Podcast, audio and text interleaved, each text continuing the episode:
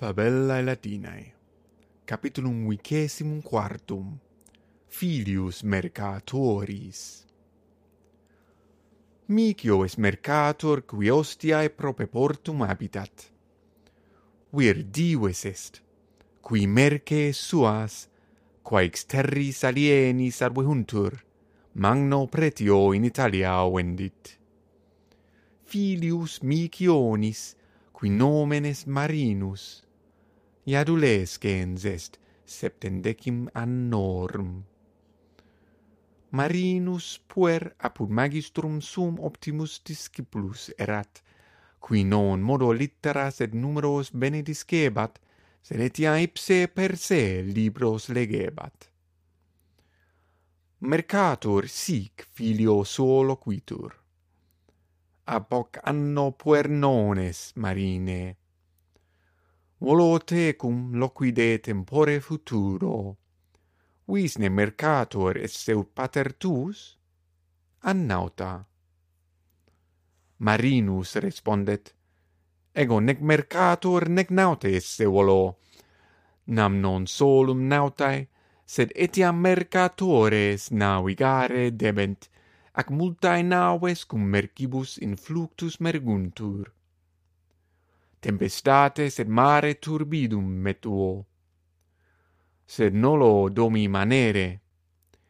In Graeciam ibo, quia litteras Graecas ac linguam Graecam discere volo. Doctus ero ut magister meus, nec solum libros latinos, sed etiam libros Graecos legam in Graecia viros doctos audire potero, ac multas res ab optimis magistris discere. Visne metecum in Graeciam ducere? Verba filii patrem non delectant, nais putabat filium sum velle mercatore messe.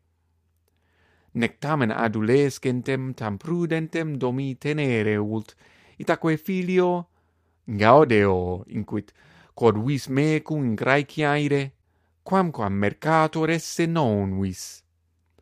Bene intellego te ut adulescentem prudentem plura discere velle in Graecia apud magistros doctissimos.